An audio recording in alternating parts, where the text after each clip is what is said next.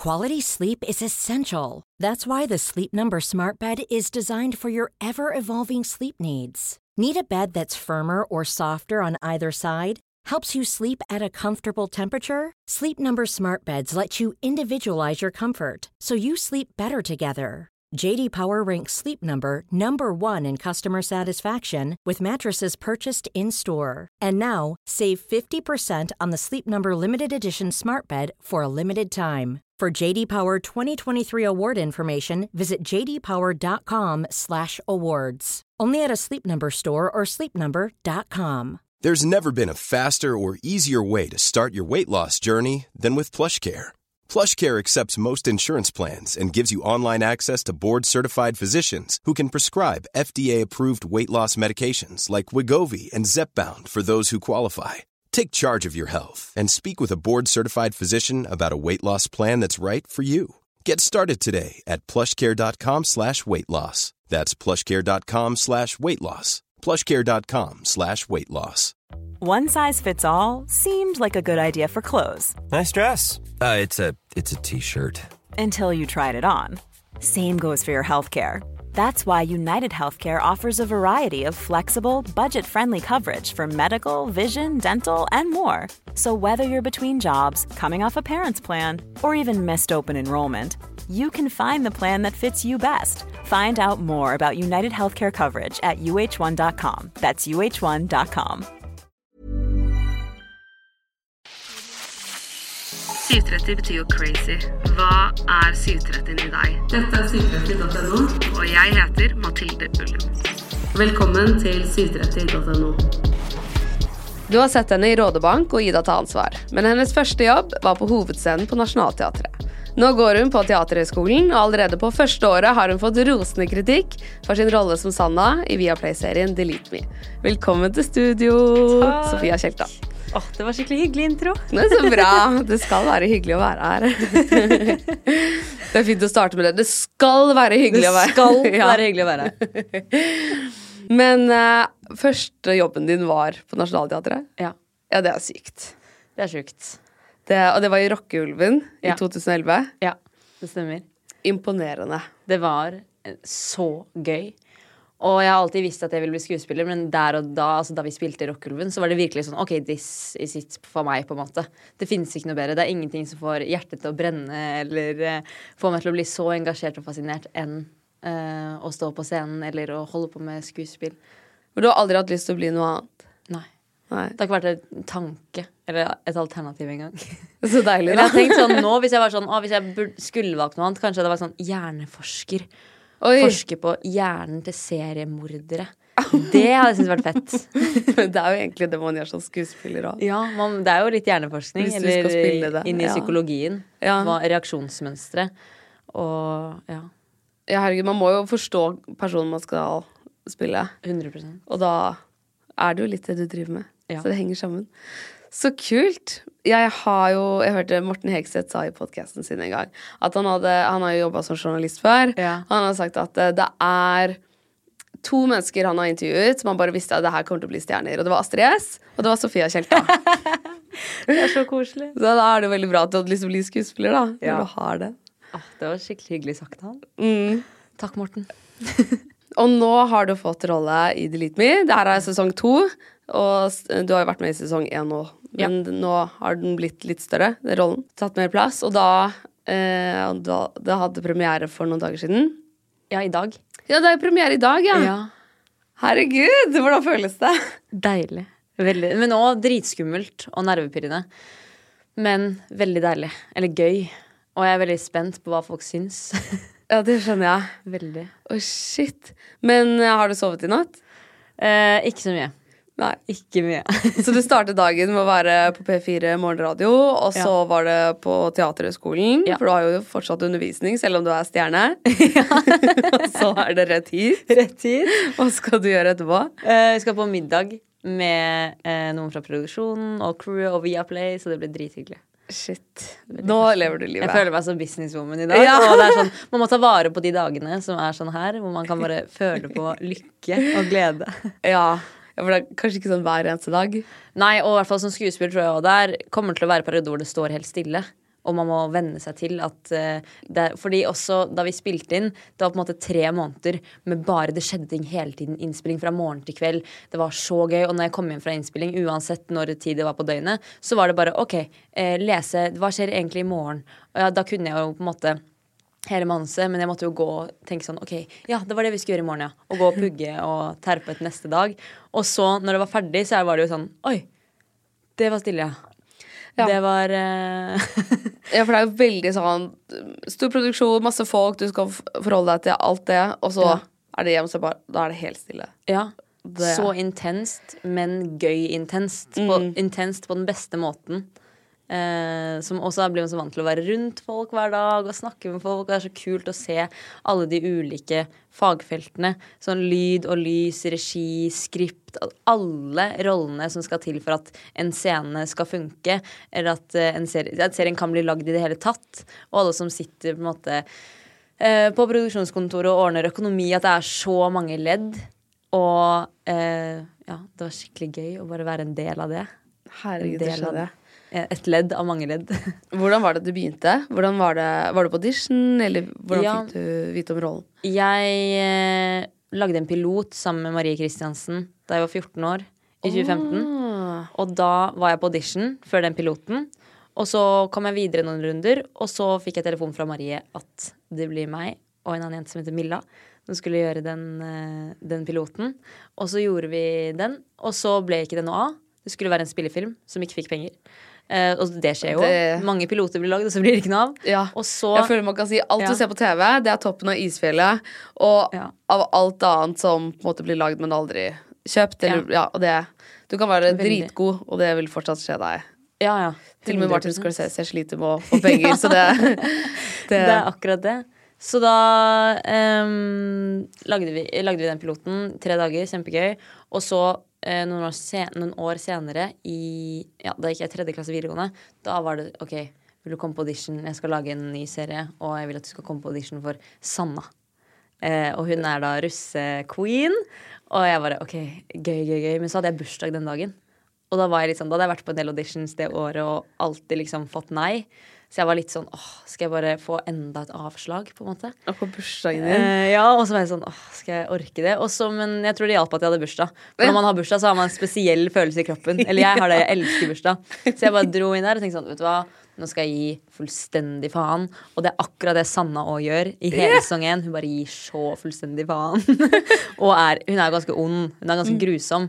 Men det var på en måte, det var veldig gøy å på en måte lete i sånn OK, hva, hvor er min indre russebitch?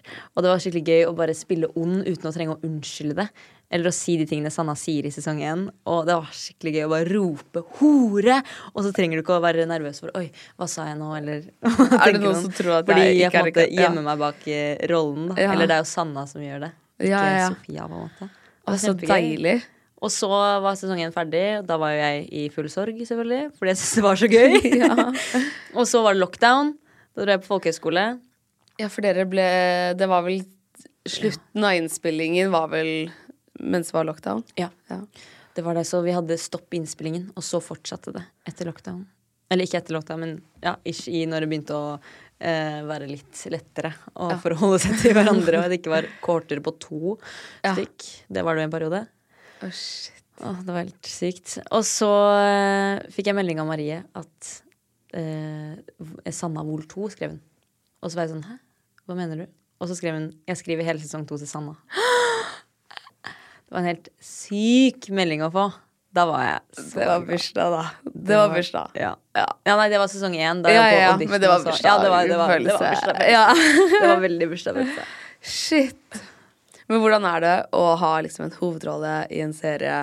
Du går allerede liksom første året på teaterhøgskolen. Ja. Er det noen i klassen som er litt sjalu? Jeg tror faktisk ikke det. Ah! Jeg, eller jeg, jeg, jeg håper ikke det, eller jeg vet ikke, fordi vi er jo bare ti stykker i klassen. Så vi blir så tette. De er liksom virkelig familien min. Ja. Og eh, vi er sånn søsken, hele gjengen. Så jeg, jeg, jeg unner i hvert fall dem alt godt i verden, og jeg Ja. Jeg tror de gjør det samme med meg. Ja, det er bra. Det høres ut som skikkelig gode folk. Nå er- angrer jeg på at jeg spurte om det. Fantastiske folk. Ja. Sånn de beste. folka du noensinne Eller jeg, no, jeg noensinne har møtt. Nå, men det er hyggelig. Det er så hyggelig. Det er jo en tøff bransje, så det er viktig at man har gode folk rundt seg, Ja. og at man unner hverandre ting. Og det er jo det med at man er et lag, man er et ensemble. Og på skolen skal vi være et ensemble i tre år. Og jeg kommer ingen vei uten de ni andre. Nei. De ni andre er jo en så stor del av min utdannelse. Jeg kan, kunne ikke tatt den uten dem. Så det er veldig fint å kjenne på. Eh, Man blir jo selvfølgelig irritert på hverandre og hele den regla der, på en måte, men, men eh, det ligger en sånn veldig eh, eh, Veldig respekt og kjærlighet. Men er det virkelig dine beste venner hvis, de, hvis du ikke blir litt irritert av og til? Man blir jo det. Ja, man blir, Ja. man blir jo litt irritert. Det vet i hvert fall mine venner noen ganger kan bli på meg. De trenger ikke å si det engang. Jeg ser det i øynene. Eh, Kom du inn første gang du søkte på Teaterhøgskolen, eller Nei. hvordan var den prosessen for deg? Uh, ja, det var, jeg søkte rett fra videregående, og så, da kom jeg ikke videre. Og så søkte jeg fra folkehøyskole, kom ikke videre. Og så gikk jeg på Westerdals i et år, også på skuespillerlinjen. Og da kom jeg videre til andre prøve, og så kom jeg videre til tredje prøve, og så kom jeg inn da tredje året jeg søkte. Ah. Så det var veldig stas. Og var, da var det litt trist, da, for da hadde jeg allerede begynt i en klasse. Ja. Og prøvde, prøvde å bygge opp et ensemble med noen andre. Ja. Og så Var, var klassemiljøene veldig forskjellige? Ja, det, jeg, jeg tror det har mye å si eh, om man er 20 stykker eller 10 stykker i en klasse. Det har jo på en måte, det har jo litt innvirkning å si, så man ble ikke så tette på hverandre som jeg opplever jeg er med klassen nå. Men eh, de er Ja. kjempefine folk, altså. For når du er 20, så kan du ikke invitere alle hjem til deg hver kveld. Og Ja. hvis man er 20, så blir det også mye fortere klikker, og Ja. folk skaper sine egne grupper. Ja. Da er det vanskelig å bryte gjennom det. Men ja, når man er ti stykker, da er det jo mye lettere å kunne invitere med og finne på ting Ja. utenfor òg. For dere er vel sikkert mye sammen utenfor skolen òg. Ja, vi har eh, vi, vi, det, Oi, nå kom jeg borti mikrofonen. Det går bra. Det er, helt, eh, det er helt rart at man ikke blir lei av hverandre. Ja. Og vi er sammen fra ni til seks hver dag. Altså, nå snakker jeg bare for meg selv. Det kan være at andre i blir drittlei meg og aldri vil se meg etter skoletid. Men jeg føler sånn Jeg kan ringe på klassekameraten min på FaceTime rett etter skolen og være sånn Åh, kan vi bare snakke litt om dette? Eller sånn Har du sett denne? Eller har du sett dette? Og så jeg- ja, de er virkelig liksom Og det er jo på en måte litt familie òg. Det blir bare sånn en rutine og vane at man er sammen hele tiden, og da blir man så vant til hverandre.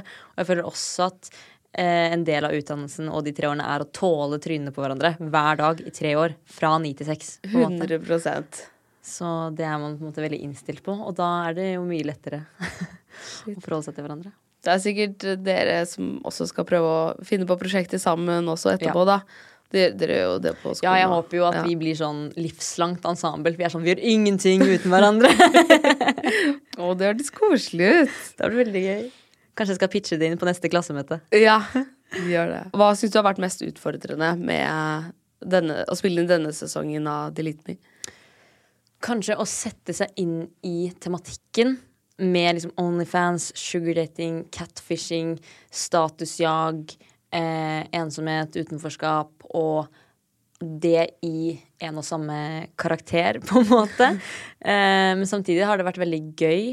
Og jeg følte meg alltid veldig trygg på sett. Jeg bare har vært sånn åh, er jeg flink nok til å bære denne historien? Eller er, hvordan kan jeg forvalte denne rollen? Eh, så det har kanskje vært at jeg har vært mest sånn i selvbevissthetens mørke, på en måte. Eh, at jeg har eh, ja, tenkt at sånn åh, lurt på sånn åh, klarer jeg å gjøre dette her? Tenker du på det? Ja, jeg tror, jeg tror det er ting man liksom blir veldig bevisst på. Fordi man byr så mye på seg selv, og man ehm, går så inn i materialet. Det, det føles jo så viktig. Og det blir jo produsert så mange serier i Norge nå, og i verden, at det er jo sånn ah, Det er egentlig ingen som bryr seg om en, enda en ny serie, liksom. Men uh, når man er med i det selv, så føles det ut som dette er det viktigste i hele livet mitt. Og det er jo bra, da. For da det... jobber man jo på og Ja. vil at det skal bli bra. Ja, men At det koster noe, liksom. Det tror jeg er viktig uansett. Ja, og jeg tror egentlig de fleste skuespillere kan kjenne seg igjen i det. At man Ja. blir veldig selvbevisst. Fordi Ja. det, det er en side av deg selv du Ja. viser fram som man kanskje ikke viser fram så ofte. Det er veldig vondt å få den avvist. Eller selv om regissøren bare vil det best for filmen, at man skal fortelle historien, så er man jo redd for at noen skal si nei, det er ikke bra, eller det funker ikke, eller Ja. da, Det er jo så vondt. Ja, man blir jo livredd for det. Men samtidig så må man igjen bare prøve å gi helt faen i det. Ja, ja, ja. Altså selvfølgelig, det er, handler jo ikke om deg, det er arbeidet, og Ja. man skal ha tilbakemelding fra en regissør, men likevel Ja. så kan man jo kanskje synes det er litt skummelt med tilbakemeldinger, eller Ja, det er kjempeskummelt. Ja. Og, men også jeg tror det er veldig viktig med researcharbeid. Mm. Og det følte jeg gjorde, men følte meg fortsatt sånn Men hva slags research har du gjort? Jeg har lest to bøker. Oi, hva slags bøker da? Eh, og den ene er 'Du skal vite hvem jeg er'. Og nå husker jeg ikke hvem som har skrevet den. Chanel, Chanel Miller. Nei, Miller. Chanel Miller. Chanel, men det var riktig! Ja. Ok, bra. Eh, hun blir voldtatt, og så eh, blir saken henlagt. Så hun eh, Hele boken er på en måte eh, Chanel som prøver å finne andre ofre, og prøver å få han dømt. Og du skal vite hvem jeg er, på en måte. Og det syns jeg var gøy. Og så så jeg I May Destroy You på HBO, og det handler også om eh, en som blir voldtatt. Og så går hun og anmelder til politiet, for hun tror hun har sett noen bli voldtatt på en klubb. Og så i avhøret så, kom, så får hun minnet tilbake om at det var hun selv som ble voldtatt. Oi. Så det er veldig spennende. Anbefaler den serien. Den er veldig vond, men den er veldig bra òg. Hun er helt rå, hun som spiller hovedrollen. Husker selvfølgelig ikke hva hun heter, men uh, hun er helt fantastisk. Oh, shit. Og så var jeg på en sminkekurs hos Linda Wickman. Og så var jeg på masse masse YouTube-videoer. Begynte å følge alle reality-deltakere som noensinne har vært. Ja, for dere har jo veldig forskjellig stil, Sanna og du. Ja. Og da ville du gå litt inn i den og ha det liksom som en Lære det som en rutine. At ikke det Ja, og så så jeg at det ble en trend i at reality-profiler eh, lagde seg Onlyfans rett etter de hadde vært med i en reality-serie. Ja. Og det synes jeg var spennende, fordi da betyr jo det at de bruker Onlyfans som et springbrett for å eh, på, Eller tjene penger for å leve en type livsstil, eller å Sånn som Sanna, da. Hun vil jo kjøpe dyre ting, lage YouTube-videoer, sånn. Hun vil bli influenser. Men samtidig er jo liksom den store, store drømmen til Sanna å starte sitt eget sminkemerke. Og bli helt liksom glossier, eller eh, Ja, nå kom jeg ikke på noen andre sminkemerker. Slayer Beauty med Emma Ellingsen. ja, ja. ja, 100 For eksempel. Ja. Ja, hun, det er drømmen hennes. Ja. Så bruker hun da Onlyfans. Tenker hun, Det går i trått med den YouTube-kanalen hennes. Bruker da Onlyfans som et springbrett da, for noe mer. Ja, for det har jeg sett mange gjøre, og vi har jo mange gjester som også har gjort det her. Og det er jo Jeg spurte liksom hva får dere mest spørsmål om, og da er det folk som ser opp til de som også vil starte Onlyfans, som også vil leve sånn. Ja. Og da var Caroline Nitter her, for eksempel, og sa det der skal du tenke deg godt om før du gjør. Ja. Fordi alt er ute for alltid, og det blir spredt, og det det er ikke noen vei tilbake. Eller sånn. Ja. Hun, bare, sånn som, hun har jo vært på TV og har vært naken på TV. Hun bare, det er lettere Ja. for meg enn Og det er Ja. Jeg har valgt dette, men ja. Og det er jo noe med det, det på en måte statusjaget på sosiale, sosiale medier òg. Mm. At det er på en måte en litt sånn it girl-konkurranse. Og alle vil på en måte På TikTok, alle har de samme produktene. Alle har håret sitt helt likt, og alle vil på en måte være Se på en måte Unike, helt, men- helt like ut, men Ja. være så unike i det. Eh, og, dat, og det å se det, og liksom vite at sånn Å ja, men de kan dra på ferie liksom en gang i måneden dit og dit, og de kan kjøpe seg de fine treningsklærne eller de dyre veskene. Og sitte foran på flyet Ja. og Og så opplever jeg jo når jeg har pratet med venninner om Onlyfans før, eh, eller da det kom, med en gang det kom, så var holdningen litt sånn ja, ja, men det er null stress. Eller sånn, ja, ja, det er jo ingen som ser at det er meg hvis jeg bare sender bilde av puppene mine. Eller det er ingen som ser at det er meg hvis jeg sender en video av tissen min, liksom. Men eh, i det researcharbeidet Marie Kristiansen, som er regissør, har gjort, snakket jo med For det er tatt ut fra en ekte eh, historie, som også er en scene i serien, hvor Sanna får en melding hvor det står du får 1000 kroner sekundet for å filme en video av tissen din. Eh, hvor Sanna tar telefonen ned, gjør dette, og du ser bare sånn Hun er jo ikke med i det hele tatt, men hun trenger de pengene. Fordi, ja, må se serien hvis hvor hun trenger, trenger Det pengene. Men, men da, og da selv om man ikke ser ansiktet hennes, så hadde mm, hun jenta som Marie hadde snakket med, sagt det føltes likevel som et overtramp at jeg tråkket over mine egne grenser. Og Sanna har ikke satt grenser for seg selv da hun starter Onlyfans. Hun har den litt sånn tilgjengelige, normaliserte holdningen til dem. sånn, ja, ja, men er du ikke nysgjerrig på hvor mye du er verdt? Hvor mye folk er villige til å betale? Og, og en annen faktor tror jeg er oppmerksomheten du får. Eh, fordi man får jo helt eufori av å få likes på Instagram eller å legge ut ting og be real eh, hva man gjør hver dag. Og man blir så sykt bevisst. Ja, det er jo forske på at det er avhengighetsskapende. Sånn, Ja. Du får samme high som du får av drugs og Ja. andre ting. Av liksom likes og views på TikTok og Ja. Og da kan du tenke deg på Onlyfans, da, så er jo det i altså 100 ganger mer. Men du kan måle det i penger. En fysisk ting, på en måte, som Ja. kan gi deg et helt annet liv. Ja, for det var også interessant, fordi da hadde Marie snakket med noen som sa at eh, nei, men jeg gjør det ikke for penger, jeg gjør det for oppmerksomheten. Og jeg gjør det for, eh, for det avhengighetsskapende, av den Ja. Og også selvfølgelig pengene, som blir en megabonus. Men nå, hva koster det egentlig? Fordi det, alt har jo sin pris. Ja, det er Eh. superspennende. Ja, det er veldig spennende tematikk. Ja, jeg skjønner så sykt hvorfor, det, hvorfor folk gjør det, og at det er tiltalende. Og spesielt under lockdown så var det jo veldig mange som ikke hadde penger. Og vel- Ja. i hvert fall nå, når alt har blitt så mye dyrere, og strømmen har gått opp, og pengene har ikke vært like mye som det var før. Ja, Så- Det blir jo veldig tilgjengelig, på en måte. Ja. Men jeg, jeg tror jeg aldri kunne Altså, jeg dømmer ingen på Mm. noen som helst måte. Men jeg tror at for meg hadde det føltes grenseoverskridende, og at jeg ikke hadde visst helt hvor jeg sku, hvordan jeg skulle sette ned foten. Eller fordi man er så i, man er i kontroll over sin egen kropp, eh, men plutselig så får du tilbudt en pengesum, og så er det det du har Ja, jeg vet ikke. Jeg syns det er så vanskelig å snakke om det òg. Ja. For det er ikke en sort-hvitt-debatt, det er en debatt med så mange nyanser. Ja. Og det, det løser et eh, problemer ved at liksom, okay, kvinner, som, eller, kvinner og menn som har vært i pornobransjen, de kan heller ta, bruke Onlyfans og da ha full kontroll Og over hva de gjør. sin egen seksualitet Ja. og tjene sine egne penger på. Ja, Samtidig som hvem som helst kan opprette en Onlyfans-konto, Mm. og som ikke er eh, klar over hva de begir seg ut på. Så Sanna er jo et eksempel på at hun er overhodet ikke klar over hva hun begir seg ut på, før hun havner i et slags spindelvev av eh, dårlige opplevelser. Jeg syns det virker skummelt å ikke vite hvem som ser på også. Ja. At jeg ser sånn TikTok, sånn Storytime, Ja. hvor folk er sånn Hvordan jeg fant ut at faren min følger meg på Onlyfans. Det er bare sånn Åh, Nå har du bare oppsummert alt som er galt med verden. Og det er bare Ja, det er sykt. det bare høres helt forferdelig ut. Ja. Jeg tror det er viktig at det aldri er for sent å endre på grensene sine. Det er aldri for sent å Ok, men det var ikke noe for meg. Eller sånn Ja. Å nei, jeg jeg vil ikke det overhodet. Det hadde gått over min grense. Eller å finne ut av det tror jeg er viktig. Um, ja. Så det er mange som lurer på hva som er likhetene mellom deg og Sanne. Ja! Åh, jeg føler eh, at Sanne og jeg er veldig forskjellige. Men det er jo jeg som spiller Sanna, så noe av meg er jo i Sanna. Og noe av Sanna er jo i meg. Men samtidig så er hun jo en skrevet karakter i situasjoner jeg tror og håper jeg aldri ville vært i. Um, Ja, Det er jo sant. Dere har jo veldig forskjellig utgangspunkt fra barnsben. Nå kjenner jo Mm. Helt ikke jeg deg fra liv, før, men ja, man, det høres ut som dere har ganske forskjellig utgangspunkt. ja.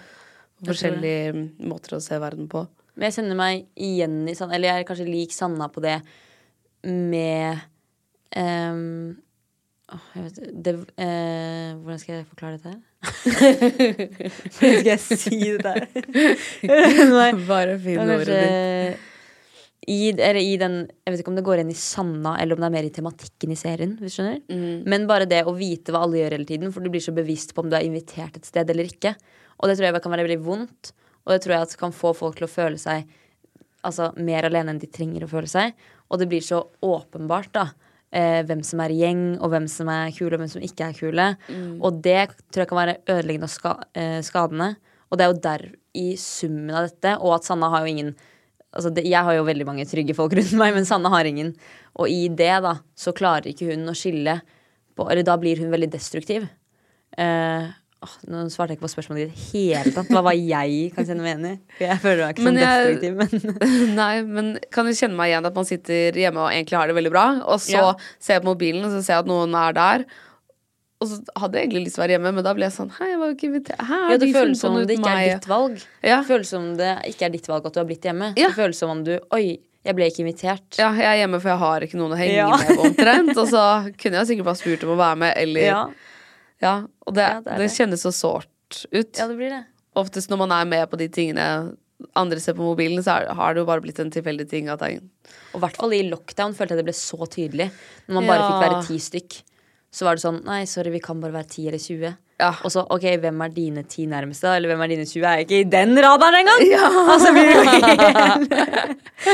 Så jeg føler at det var sånn Ikke minn meg på det nå! Jeg bodde alene. Men jo, du sa ikke hva som var likhetene. Ja, jeg, At, man, det var så vanskelig å svare på. At du ikke. kjenner deg igjen i den følelsen. Ja, jeg kjenner meg igjen i den følelsen. Det er også en scene hvor um, en venninne, eller hun som bor med Sanna, skal flytte ut, og hun sier liksom Ja, hun inviterer henne ikke med videre når hun skal videre, åpenbart, liksom. Og det kan jeg ha så stor forståelse for at det er kjempevondt. Også det, liksom det med å miste, jeg vet ikke, miste kontakten med folk, eller de type tingene der. Eh, som hun har gjort, miste kontakten med folk. Men samtidig så føler jeg det er jo helt ulike situasjoner. Så jeg kjenner meg bare igjen i liksom følelsen, men ikke samme setting. Hvis du skjønner hva jeg mener med det? Ja, ja, ja. Um, Men det er jo Ja. Sanna er jo liksom basert på et menneske. Eller sånn. Ja. Hun er jo Hun har jo de samme følelsene. Ja, så det er sånn Og- det ble skrevet i anmeldelsene liksom sånn Sanna er en grunn person, og hun er litt vanskelig å like. Og det har jo ikke jeg tenkt på. Fordi jeg har jo måttet, jeg, Når man skal spille henne, så kan jeg jo ikke liksom tenke at åh, hun er en sånn grunn karakter. Jeg må jo liksom Ja, man, finne- en jeg skuespiller det er kjempekompleks. Ja, ja, ja. Jeg syns det er så mye nyanser og så mange forsvarsmekanismer og så mye Hun er kjempeusikker, liksom. Men de anmeldelsene jeg har lest, så har det stått at eh, det- du var en stor grunn til å se serien. Eller var du var grunn til å se serien. koselig. Ja, du har fått strålende anmeldelser. Ja, det er veldig bra. Men det med å få uh, sånne type karakterer sympatiske er jo har jo alltid vært vanskelig. Fra Ja. man skriver de, til man spiller de inn, og regi og skuespill skal jobbe sammen, til Ja. man skal klippe. Og det kan jo være så mange faktorer òg til at noen sier det. Og så kan det være fordommene til anmelderen òg, da. Ja, det kan som også har mye å si. At man Det er jo en type jente som ofte blir dømt. Ja. Har du sett den serien Kammo som går på NRK? Nei, den den har jeg ikke sett den da, men den ser skikkelig kul ut. Ja, der er det en jente som er influenser, Hun er også en litt sånn type jente. Ja. Litt sånn samme De faller kanskje litt i samme bås. Ja. Og hun blir eh, veldig god venninne med en som også heter Camilla, da, med Downs syndrom. Ja. Og da sier hun som har skrevet serien, at eh, det er veldig interessant fordi folk med Downs syndrom og influensere har folk mye fordommer mot. ja. Det er sånn, ja, det er sant. Åh, men jeg må man- se den. Ja, man opplever å bli dømt. Ja. Og det Man blir det samtidig som jeg opplever det som ganske normalisert, det Sanna føler på, som i forhold til liksom åh, men jeg vil ha eh, dyreklær, jeg vil ha dyreting. Ja. Jeg vil liksom At den kulturen der, det statusjaget og den type eh, Det luksuslivet hun har lyst til å leve. Eh, Det føler jeg ganske sånn Det føler jeg veldig mange av mine venninner og jeg kan kjenne på sånn Åh, kan ikke bare legge meg på en, ta et fly og legge meg på en franske rivieraen og få en drink i hånda, liksom. Det er flere av gjestene som har vært her, som har sagt at de jobber hardt fordi de har flydd first class en gang, eller business en gang, Ja. og da skal de aldri tilbake bakerst i flyet. det bare har vært så digg. Det kan jeg forstå. Det er veldig gøy. ja. Men ja, hva slags ting er det du måte, drømmer om å ha, sånn materialistiske ting? materialistiske ting, så Det er likhet med Sanna. Jeg har lyst til å kjøpe en Chanel-vesk. Kjøpe, heter det. Nå, å, jeg kan ikke ta feil på de KJ-lydene! Da blir norsklæreren min sur. Hvor du kjøpt av norsklæreren din? Åh, jeg tror det. Ja. Hvis hun hører på. Men ja, jeg har lyst til å kjøpe meg en Chanel-veske for mine egne penger. Eller å tjene opp penger til å kjøpe en Chanel-veske. var Og det har jo. Sanna. Elsker Chanel, hun òg. Så der Ja. er vi like. Og hun tjener sine egne penger. Hun tjener sine egne penger, bare Mm. at jeg eh, skal tjene pengene på en litt annen måte. det tar litt lengre tid å tjene de pengene. Ja, for det, går, det blir raske penger med OnlyFans Ja. hvis man gjør det stort. One size fits all seems like a good idea for clothes until you try them on. Same goes for healthcare. That's why United Healthcare offers flexible, budget friendly coverage for medical, vision, dental, and more. Learn more at uh1.com. Everyone knows therapy is great for solving problems, but getting therapy has its own problems too, like finding the right therapist, fitting into their schedule, and of course, the cost. Well, BetterHelp can solve those problems. It's totally online and built around your schedule. It's surprisingly affordable too. Connect with a credentialed therapist by phone, video, or online chat, all from the comfort of your home. Visit betterhelp.com to learn more and save 10% on your first month. That's BetterHelp H E L P. This message comes from BOF sponsor eBay. You'll know real when you get it. It'll say eBay Authenticity Guarantee. And you'll feel it. Maybe it's a head turning handbag, a watch that says it all, jewelry that makes you look like the gem, or sneakers and streetwear so fresh every step feels fly. eBay gets it. So look for the blue check mark next to that thing you love and be confident that every inch, stitch, sole, and logo is checked by experts. With eBay Authenticity Guarantee, you can trust that feeling of real is always in reach. Ensure your next purchase is the real deal. Visit eBay.com for terms. Var det noe du syntes var vanskeligere nå i sesong to enn sesong én? Ja. Du Ja. svarte litt på det, at man, du Ja. ble litt mer selvbevisst. ja, kanskje litt mer, eh, litt mer selvbevisst. Fordi i sesong én så hadde jeg jo en, på en måte, liten birolle. Og i sesong to så var det sånn snakk om en hovedrolle. Og da følte jeg på masse ansvar, men nå masse glede, og at det var kjempegøy. Eh, nå glemte jeg selvfølgelig spørsmålet. Det var, det var noe det var noe vanskeligere. vanskeligere. ja. Ja, hva som var vanskeligere. Ja, det er jo igjen dette med tematikken. Eh, dette å skulle liksom fortelle historien. Eh, var kanskje liksom vanskelig. Men så er det mye mer utfordrende scener enn det sesong én Sanne hadde. For, eh, for min del. Eh, men samtidig så følte jeg meg liksom godt forberedt på de scenene og hadde gjort research og lest manus 100 ganger og hatt møte med intimitetskoordinator og ble godt kjent med Erik Enge, som jeg spiller med. Og så spilte vi de eh, intime scenene litt sånn uti innspillingsperioden. Så alt føltes egentlig Det var ikke noe som føltes sånn Åh, dette, men samtidig føltes det også åh, hver tagning. For jeg var sånn, jeg må levere. Ja. Jeg har så lyst til å levere, liksom. Men det vet vi jo at du har klart. Når man tenker også det her skal bli dritbra, så er det også litt Ja. skummelt, for da Ja, jeg prøvde å sette fokuset veldig utenfor meg selv da jeg spilte det inn. Ja. Og være sånn, ok, Sanna går gjennom dette, hun opplever dette. Det er ikke Sofia som gjør noe av disse tingene. Og det hjalp veldig. Og eh, det var jo mange Eller det jeg syns var kanskje mest utfordrende, var på en måte den sushibrettscenen hvor jeg ligger som sushiplate. Og ikke fordi jeg måtte ligge der, for det var, føltes veldig trygt og fint, og det var liksom eh, veldig gøy. Jeg lå inne på et bad og ble dandert med sushi, og det var sånn hyggelig nesten. Men den hele situasjonen, og at det er tatt ut fra eh, en virkelig historie, at det har liksom Og, og en exit-referanse ja, på en blitt brukt som et menneskelig sushibrett. Ja. Bare det i seg selv følte jeg var så at Sanna ble så objektifisert, eller hun var på en måte et bord i den scenen. Og det syns jeg var litt sånn jævlig å tenke på. Uh, så det var kanskje det som var sånn åh, tenk at folk hadde ligget her uh, og gjort dette. Og At jeg syns det var skikkelig liksom ja, forferdelig. Jeg syns det er så fint at det er hovedrollen som gjør det òg. Fordi jeg har jo sett den scenen på en måte i Entourage eller i sånn veldig maskulin sånn Californication, mm. liksom Ja. kule guttaserier. Det er Alltid en nak nakne dame på restaurantene som har sånn bodypaint og liksom Ja. De er bare støy i bakgrunnen for å bare illustrere Ja. hvor maskulint og kult det er. Men du får aldri se hvordan hun jenta egentlig har det. Ja. Og nå får man jo se det. Ja, nå får man sånn, se det. Dette her er ikke gøy. Nei, det er ikke Og menn gøy, ass. liksom, Ja, det er jo menn som gjør det her. Ja. Noen menn. Og i Squid Game òg, på slutten der, når de damene som er sånn De har full on body paint, Ja. og bare de er sånn stoler og bord og bare liksom Hvem er de jentene? Hva er det de drømmer om? Hva er det de vil? Hva tenker de når de ligger der? Og det er jo kjempeinteressant og grusomt. Så det var kanskje det som jeg liksom syns var mest utfor... Eller vet, Ja. vanskeligst, da. Og man tenker jo nesten ikke på de som mennesker engang, fordi det er bare Ja, det blir blir så et Ja. materiale, et objekt, på en måte. Ja. Du må jo ha kjent veldig på det når man har spilt inn. ja det gjorde jeg. Er det noe du har tatt med av Sanna inn i ditt vanlige liv? Nei, men jeg har hørt veldig mye på spillelisten jeg lagde til Sanna. Ja. Før innspilling så lagde jeg en spilleliste på Spotify Hun har med kul sånn. Sanna-sanger. Ja. Og det var gøy. Og Doja Cats. Og ja. liksom så Doja Cats.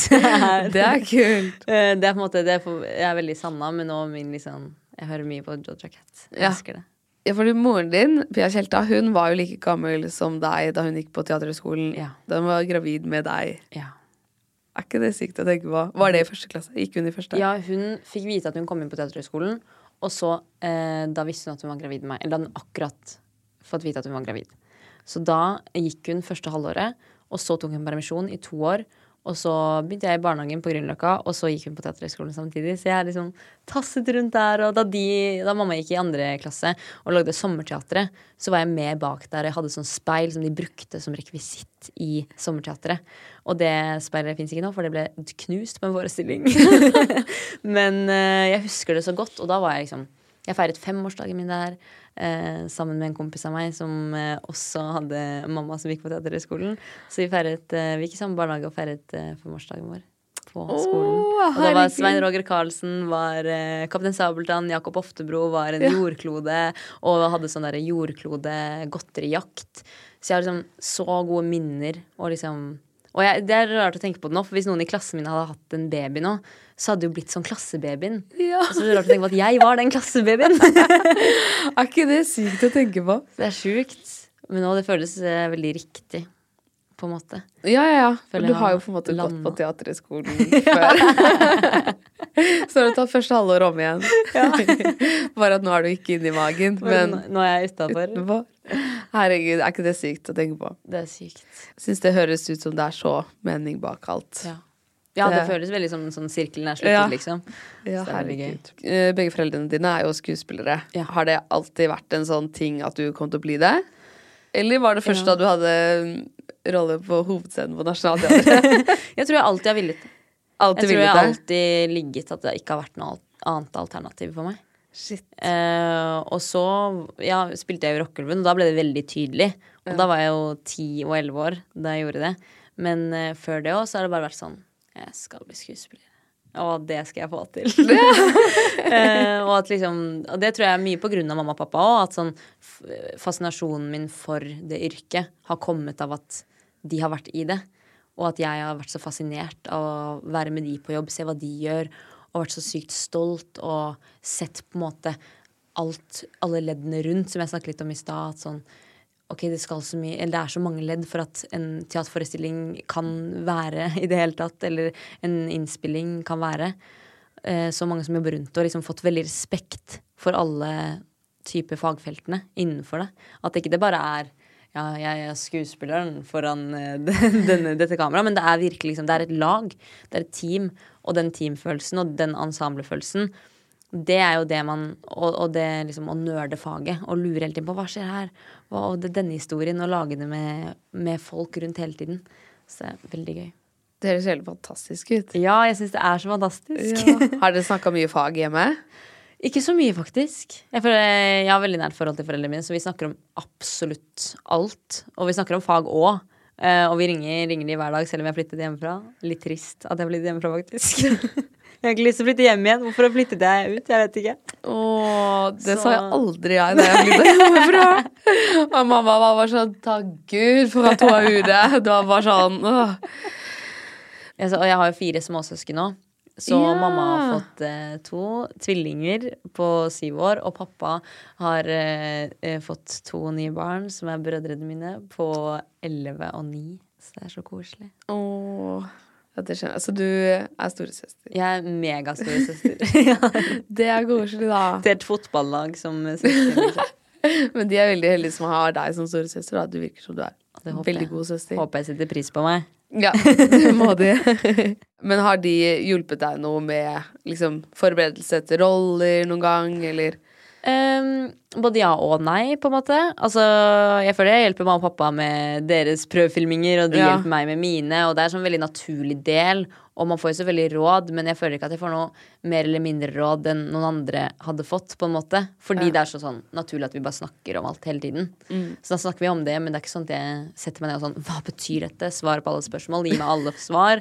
Og det er jo så kult med det yrket òg, at det fins ikke noen fasit. I enhver tekst kan jo gjøres på en million forskjellige måter. Og det er jo det som er gøy med nå. Hva, hva slags valg man tar i en tekst. Så da kan vi snakke litt rundt sånn der, å, det blir gøy hvis det var sånn eller sånn, eller de tingene der. Ja. Hva slags rolle drømmer du om? Det føler jeg er sånn teit spørsmål man stiller Men er skuespillere. gøy, ja. Men ja, er det noen sånn du har tenkt på sånn Å, gud, det kunne jeg ønske at jeg gjorde. Ja, eh, ok, Har du sett The White Lotus? Ja. Ok, Sesong én. Han kjæresten som jeg aldri husker hva heter, som blir dritsur for han ikke får pineapple sweeten. Ja! Han er fantastisk. Det, den motstanden han har, at han ikke Han klarer ikke når han eh, manageren, som også er en fantastisk rolle, går forbi. Han må opp og ta det. Han klarer ikke la være. Og det der, hva er det som skjer inni han som gjør at han, han må opp på den stolen? Han, Ja. han må, han klarer ikke. Han blir helt intens. Oh God, men det er så Og det hadde vært så gøy i en sånn der, en litt sånn hissig Men han, han, han kan ikke noe for det. Du ser liksom i øynene hans. Han, han kan, det er ikke et valg han tar nå jeg er sint. Han, han, han klarer ikke å ikke ta det. Han hører ikke etter hva hun kjæresten sier engang, eller nye kona. For han bare sånn eh, Ok, men nå går han forbi. Jeg må, må bare fikse det, liksom. Han må Ja, til og med ja. få moren sin ned for å fikse det for han. Ja, og bare trynet hans når moren kommer, hvor fornøyd han er med det. Og det er helt fantastisk! Det er helt fantastisk. Oh my God, det var et sykt bra svar. Det var veldig Og- morsomt. Ja, og jeg har eh, to til. Jeg har det. Eh, jeg har- Bring it. Uh, uh, Titanic Rose. Ja. Av, eller litt kjedelig svar, men òg bare sånn ja. For en rolle. Åh, elsker Kate Winslet. Den, og Kate hun hadde gjort kjempefin. Det var så gøy. Og eh, Book of Mormon. Sender ut en musikal. Ja. Ja. da, altså, Elder Price. Ja. For han er så gladkristen og, og god, og det er så gøy. Han har et sånn veldig sånn naivt så eh, forhold til livet. Ja. Og bare er sånn at han bare ser på Han velger positiv vei, alltid. ja. Og det er veldig, og veldig gøy. Og veldig inspirerende òg. At han klarer det. Men ja, det virker som veldig sånn angstdempende måte å leve Ja. på. Du bare ser det beste i alle, da. Ja, du snakka jo litt om det, da. At du har veldig nært forhold til familien din. At Man har jo sett dere på liksom Lindmo og sånn, og da Du og moren din, det virker som dere har et kjempetett bånd. Hun er min bestevenn. Hun er min bestevenn. venn. Hun og mormor. Mormor er i Oslo nå, og hun er det beste mennesket som fins.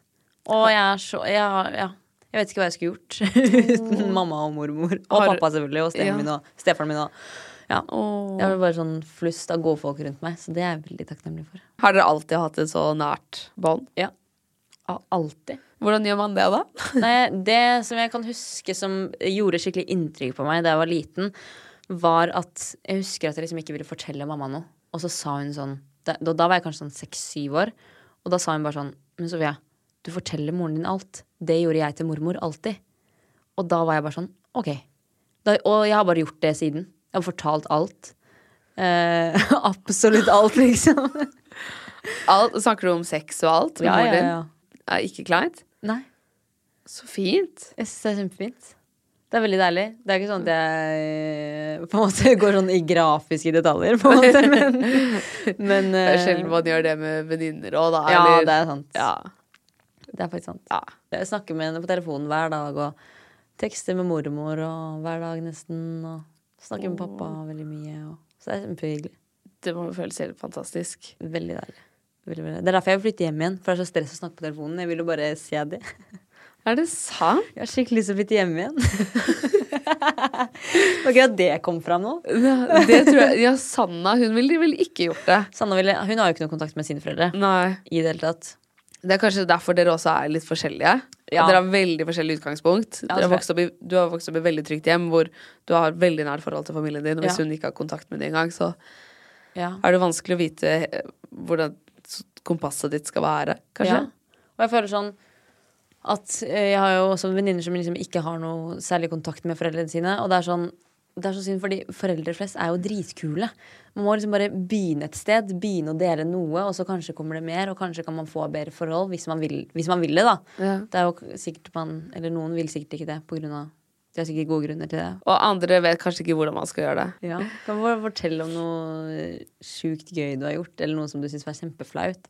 Og Ja. da kommer det liksom nesten alltid en historie tilbake. Ja. Og så kan man jo bygge på det, kanskje. Moren min hadde sagt ja, da, ikke gjør det igjen, da. Hvorfor gjør du det? gjør du det da? Ja, nei Prøvde jeg på noe bonding her. Jeg fikk noen råd av Sofia Kjelta. Jeg gleder meg til vi får masse meldinger med folk som har prøvd det. Og fått gode forhold til foreldrene sine. Ja, det kan være det var skikkelig naivt råd òg. At folk er sånn åh, det Nei, funker i jeg hvert syns det hørtes fint ut, jeg. Ja. Istedenfor å bare eh, si man skal snakke sammen, så Ja, bare del ja. noe. Begynn, eller bjuda på først. Men det er jo den enkleste måten å bli kjent med folk på, er Ja. Å begynne å dele. Ja. Eller hate samme fiende. Men ja, 100% Jeg har fått så mange venninner for å hate samme person. er det noen skuespillere du ser opp til? Ja. Kate Winslet. Kate Winslet. Og mamma og pappa, selvfølgelig. Ja. De ser veldig opp til. Jeg har veldig lyst til å jobbe med de. Det har vært Ja. så gøy. Gjorde du ikke det på Rockeulven? Jo, Ja. da var jo mamma kylling. Det hadde jeg nesten glemt. mamma og Anne Marit Jacobsen delte rolle som kylling. Og så var vi tre lag barn. Så veldig gøy. Uh, men mer av det, da. Ja. Mer av det. ja, for da var ikke faren din med? Nei. Nei. Men jeg og pappa var jo var med i Rådebank samtidig. Ja. men vi spilte jo ikke mot hverandre da. Men det hadde vært gøy å ha dere tre i en samme Det hadde vært så gøy. Og jeg ser opp til sånn Josefine Børnebusch. Er det det heter? Oh, Josefine Børnebusch. Er det riktig måte å si det på? Eh, Jeg vet ikke. Ok, Josefine Børnebusch, som er svensk. Og hun skriver, regisserer og spiller selv. Ja. Og det syns jeg er rått. Elsk meg, eller Elska meg, på Viaplay er verdens beste serie. Jeg elsker den så mye. Den har alt. Den har mørke, den har humor, den har kjærlighet, den har død. Den har det er en sånn fantastisk serie, og det synes jeg er så inspirerende at hun har skrevet det selv, spiller det selv og hatt litt regi òg. Eller hatt, jeg vet ikke om hun har hatt full regi eller litt regi. Og igjen da Phoebe Waller-Bridge. Sikkert også veldig sånn Veldig mainstream, eh, flink pikesvar, men hun er så kul. Og at hun bare sånn ah, Det går litt trått med skuespillerkarrieren. Jeg skriver en monolog, setter den opp, blir da oppdaget og bare lager Fleabag. Altså, I fucking love it. Og så syns jeg det er så kult, for man ser så mange sånne elementer hun har tatt fra scenen inn i serien, som Ja. er skikkelig fett. Man bare tenker sånn Hæ, men det her var jo veldig spesielt. Så jeg når jeg egentlig skrevet til scenen, så var jeg sånn Det er jo derfor. Ja. She knows what's up. kult. Ja, she knows what's up. Ja. Og Zendaya. Ja. Zendaya er fantastisk i Euphoria. ja, du har sikkert sett uh, Euphoria, tipper jeg. Ja. det har sikkert også vært litt research til serien. Ja, litt. Ja. Veldig gøy. ja, shit. Ja, hun er dritflink. Er du klar for en spørsmålsrunde? Ja. Ladies and gentlemen. Instagram spørsmålsrunde. Instagram spørsmålsrunde. Kan du vise tatoveringen din og historien bak? Ja. oh, det kan jeg gjøre. Um, det er kjempeflaut. Det er veldig flaut. Det er kjempeflaut. Det er Åh, vet du hva, Hva jeg gruer meg til å si det. Det står Bonkers. Bonkers. Og det er navnet på russebussen jeg var på. er det sant? Ja, det er helt sant. Og det er så gøy når du bare sånn drar ned leppa. Bonkers. Altså, jeg dør jo inni meg av skam. Men jeg var eh, 18 år, var på eh, ferie med russebussen. Ja. Og dro som feriested som veldig mange russebusser pleier å dra til. Dro samtidig med liksom alle fra Oslo og Bærum. Det var jo helt eh, kaos. det er gøy å oppleve det. Har jeg gjort det, på en måte? Altså, jeg er så glad i deg som stilte det spørsmålet. Det var så gøy. Ja, det er jo med i Delete Me, så er jo, viser jeg jo tatoveringen. Ja. Fordi Marie elsket den. Ja. For jeg tror jeg viste det helt random en dag. Sånn der, åh, jeg har Skal jeg si det for gøy? Ja, altså, jeg Um, ler av lykke. Det er bare kjempegøy. Men heldigvis er det ingen, den er ikke synlig. Nei, det altså, det det er så fett med folk som har tatoveringer. Altså, det er dritfett, men jeg tror jeg hadde bare angret så mye. Jeg tror aldri kunne hatt noe sånn permanent på kroppen. For jeg har Ja. angret, og jeg angrer jo, men den syns heldigvis ikke. Jeg ser den ikke. Jeg har sittet og snakket med deg nå i en time og sett på munnen din, liksom. Og jeg har ikke fått det med meg, så det Men det er jo tidenes morsomste partytriks, da. Ja, det er veldig sånn- gøy. Men det som var gøy, var at vi, da man hadde sånn dekkslipp og sånn, hvor man skulle slippe navnet på russebussen, det var jo da Bonkers. Ingen visste at jeg hadde tatt den, bortsett fra én. Og Jeg elsker deg! ikke at jeg hadde gjort det. Og det var på en sånn Åh, Nå høres det ut som sånn derre fyllevrak, liksom, men uh, det var eh, 18 år på russetur. Det var åh, Altså, Håper alle har vært på en liten du lever ditt beste liv. fyll- fylletur en gang iblant. Um, ja, og så tok jeg den, og eh, Åh, det var åh, ah, Jeg var helt spasmer av å snakke om det. Og så holdt jeg det hemmelig. Hele, og det var, dette var i starten av turen. Eh, holdt det fullstendig hemmelig for alle i et halvt år. Det var ingen som visste at denne eksisterte. Jeg holdt det hemmelig for kjæresten min. Holdt, det holdt jeg hemmelig for mamma og pappa òg. Det fortalte jeg ikke. Eh, og så kommer vi da, har vi da sånn dekkslipp, og det var hjemme hos meg. Og da skal jeg holde tale, og så klirrer jeg i glasset, og så er jeg sånn OK, dere. Bunkers. Og så gjør jeg dette, og alle holder på å dø. Og folk ble jo litt sånn Hæ, hvor, du har jo ikke klart å holde det hemmelig, Sofia. Du har sagt det til alle. Jeg bare nei, det er bare Sara som vet det, liksom. Det er bare én som vet det. Åh. Eh, så det var jo Det er historien bak det. Så de reagerte Ja, de, ble, de syntes det var eh, helt crazy. Og det var det jo. Det er jo, det er jo sinnssykt. Det går jo ikke an å være så unhinged, på en måte. Jo, det er jo det som er helt Men det er fantastisk. gøy òg, da. Det er litt gøy òg. Det er litt Sanna i deg, vet du. Det er litt sånn, meg, vet Åh. Oi, det er morsomt. Å, faen, er så kjedelig liv jeg har levd.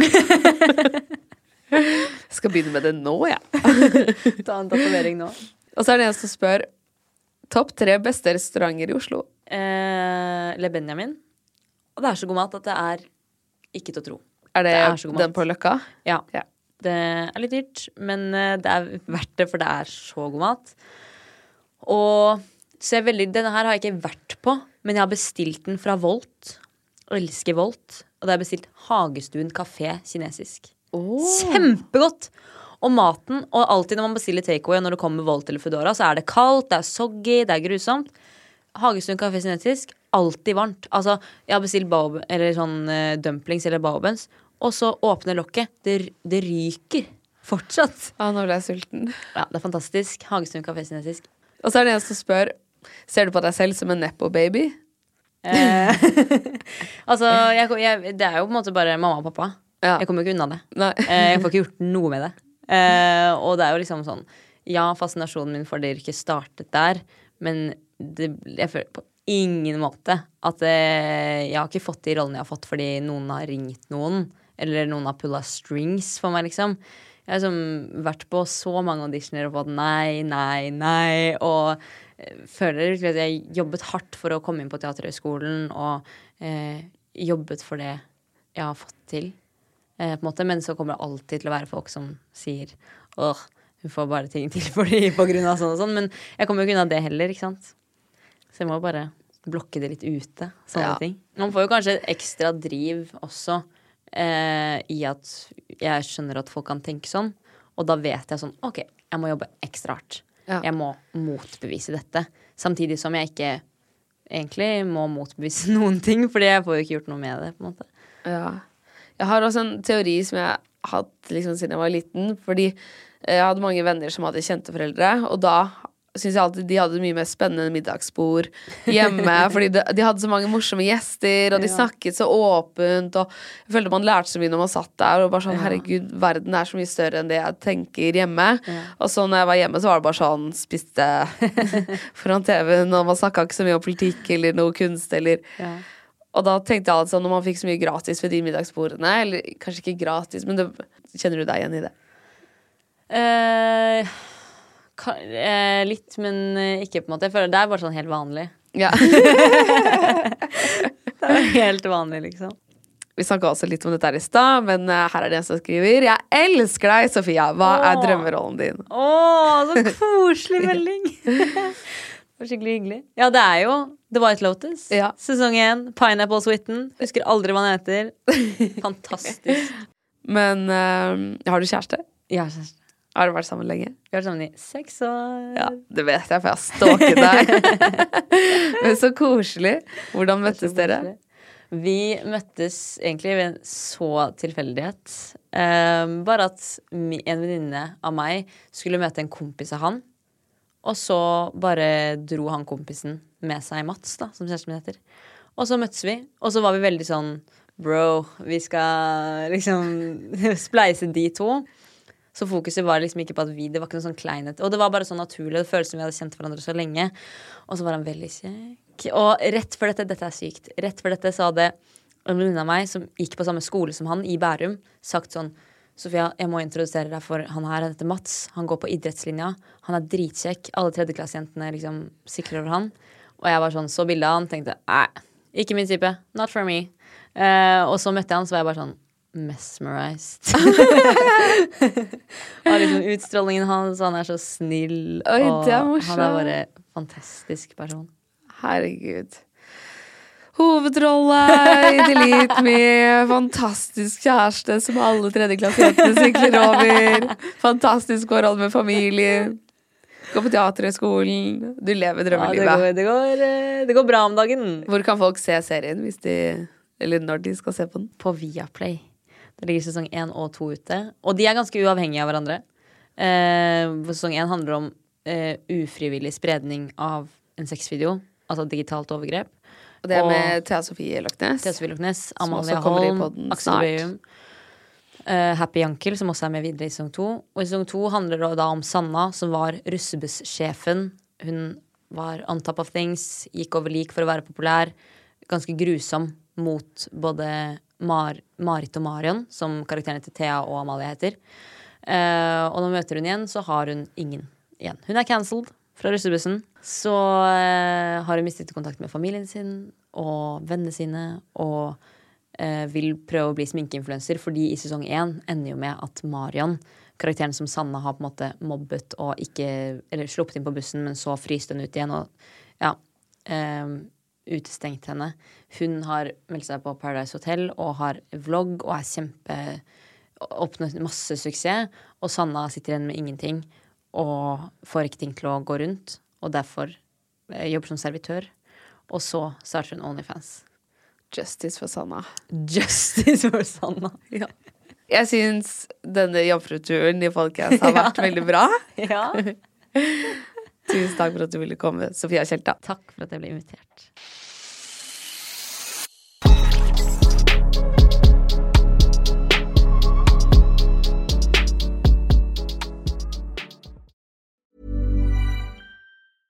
Hey, it's Paige DeSorbo from Giggly Squad. High quality fashion without the price tag. Say hello to Quince. I'm snagging high-end essentials like cozy cashmere sweaters, sleek leather jackets, fine jewelry, and so much more. With Quince being 50 to 80% less than similar brands. And they partner with factories that prioritize safe, ethical, and responsible manufacturing. I love that. Luxury quality within reach. Go to quince.com slash style to get free shipping and 365 day returns on your next order. Quince.com slash style. Hey, it's Paige DeSorbo from Giggly Squad. High quality fashion without the price tag. Say hello to Quince. I'm snagging high-end essentials like cozy cashmere sweaters, sleek leather jackets, fine jewelry, and so much more. With Quince being 50 to 80% less than similar brands. And they partner with factories that prioritize safe, ethical, and responsible manufacturing. I love that. Luxury quality within reach. Go to quince.com slash style to get free shipping and 365-day returns on your next order. quince.com slash style. Imagine the softest sheets you've ever felt. Now imagine them getting even softer over time. That's what you'll feel with Bowl and Branch's organic cotton sheets. In a recent customer survey, 96% replied that Bowl and Branch sheets get softer with every wash. Start getting your best night's sleep in these sheets that get softer and softer for years to come. Try their sheets with a 30-night guarantee. Plus, get 15% off your first order at bowlandbranch.com. Code BUTTERY. Exclusions apply. See site for details. Tusen takk for at du hører på 730-podden. Hvis du har lyst til å være veldig kul, så er det bare å legge igjen fem stjerner. Og da blir jeg veldig glad, fordi det er jeg som lager alt til denne podden. Og jeg trenger masse gode stjerneanbefalinger for å kunne be sjefen min om litt høyere lønn. Så det hadde vært veldig fint. Jeg slipper nye episoder hver eneste tirsdag. Og hvis du ikke har hørt alle ennå, så er det bare å spole tilbake i biblioteket. Og trykker du på følg, så kommer alle de nye episodene rett inn i spilleren sekundet de blir sluppet. Send meg gjerne en DM hvis det er noen du har veldig lyst til å ha som gjest. Og husk at vi alltid poster spørsmålsrunder på Instagram Story, så da kan du få med spørsmålet ditt i neste episode hvis du vil det. Ha det bra!